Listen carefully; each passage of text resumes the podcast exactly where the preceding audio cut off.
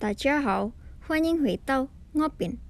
介绍我一下，我叫 Zalika，我的中文名字是李佳佳，我是 Universitas Pajajaran 的学生。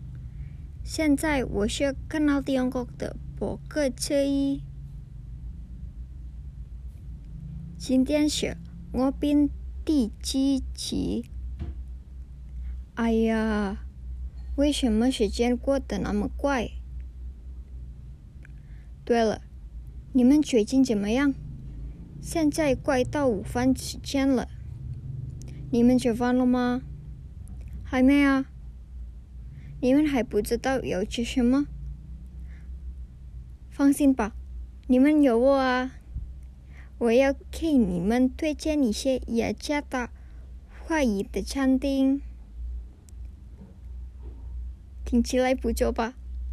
请坐下来享受这次虚拟的旅行。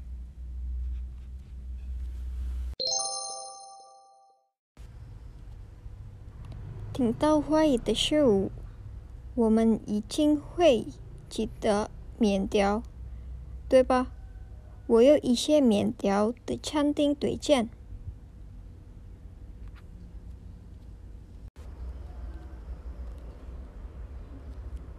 听到会议的食物，我们一定会记得面条，对吧？我们有一些面条的餐厅推荐。第一是 Bakmi Gang Kelinci，这家餐厅位于 Kelinci Raya 路一号。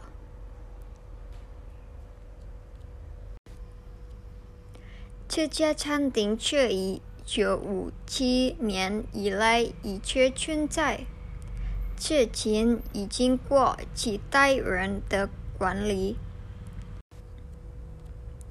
由于拥有中国血统的店主的影响，这家餐厅的概念受到中国文化的影响。这个名字本身来自福建方言 “bak”，意味着肉；“米”意味着面。当组合使用时，它的意思是面条鱼肉。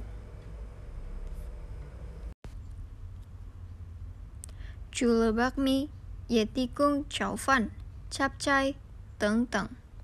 现在在雅加达，空有是一个网点了，也可以在送货服务上找到。这对我们来说非常容易，因为我们还在关张病毒的流行。我们不得不待在家里，但仍然可以吃到美味的食物。第二的餐厅是 Bakmi Loncat，除了 Bakmi Gang l i n c i 你们也可以尝试 Bakmi Loncat。这家餐厅位于沙瓦尤路西雅加达，这种面条非常独特。因为当他要上菜的时候，把面条扔了，好像他想掉。类似于新高旺著名的面条，这面有很多填充，比如叉烧、虾、豆芽等等。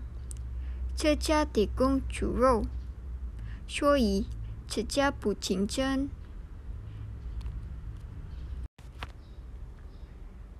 第一次进入这个餐厅，我们会看看一些装饰，表明这是一家中国独生华人的餐厅。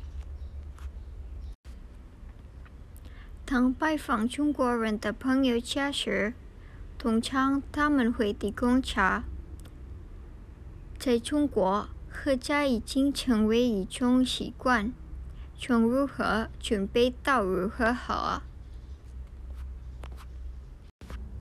所以，我要推荐的第三家餐厅是 Pancoranti House。这家餐厅自设计设计以来存在，并故意保留功夫茶的一些。在这儿，我们也可以看到主要节日的庆祝活动。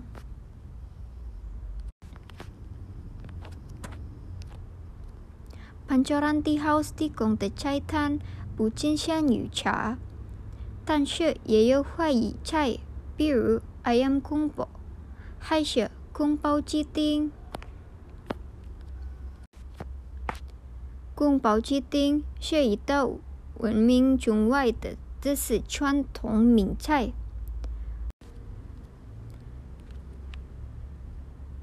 宫保鸡丁原来是汉族。传统经典的名菜，是川菜名菜。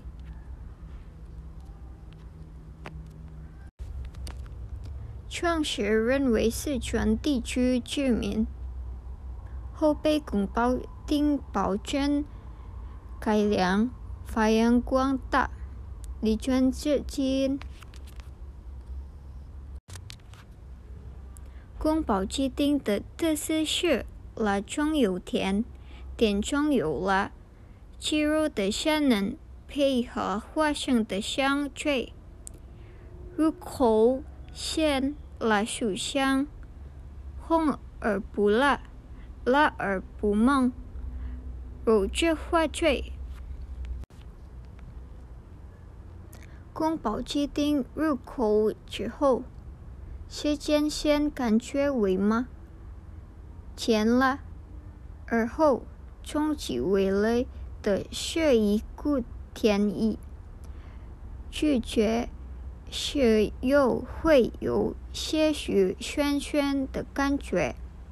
吗、辣、酸、甜，包裹下的鸡丁、葱段、花生、米血人欲罢不能。除了宫保鸡丁，也有 sapo terong ayam 四川和 ayam sayur asin angco。哇，好像挺有趣。在这儿，我们也可以学习写书法、做月饼等等。由于我已经吃饱了，如果我推荐饮料怎么办？我们将继续前往下一家餐厅 ——Kopi Es Taki。这家餐厅位于 Gloria Lu Glodok 地区。这家餐厅自一九二七年以来一直存在。顾名思义，Tak 也就是说明。指的，其也就是说，便于记忆。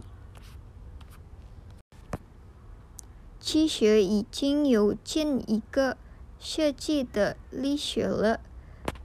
这家餐厅也只提供两种咖啡，唯一的选择是加或不。加冰的黑咖啡和牛奶咖啡，但请放心，这两种口味不会令人失望。这家不仅广受各界喜爱的川奇商店，不仅提供咖啡，还提供数种小吃。和丰盛的饭菜。这家餐厅也提供饺子汤、炸饺子、什锦饭、白酱等等。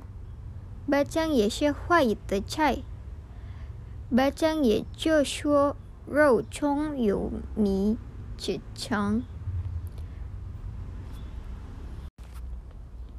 并填充有牛肉或猪肉，用醋液泡裹起来，形成一个三角形的金字塔。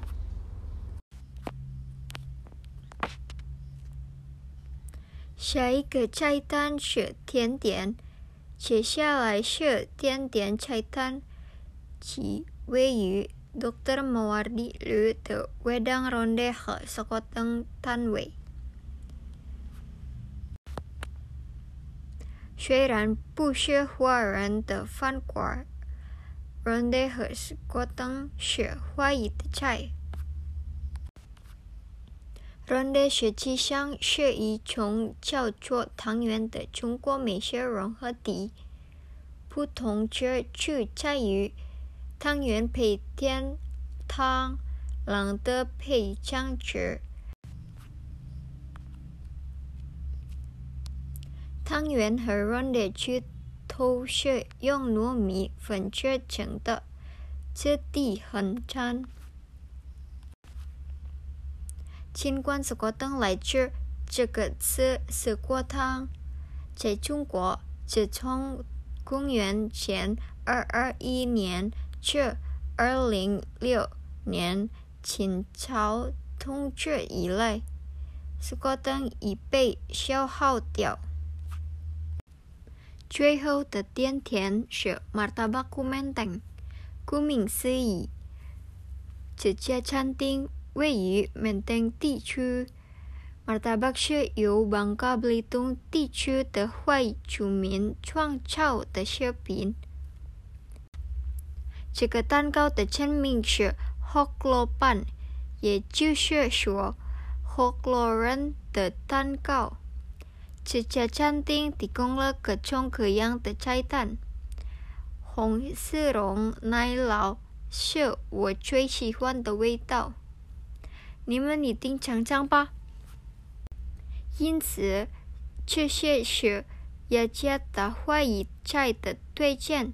事实证明，雅加达有很多中国菜。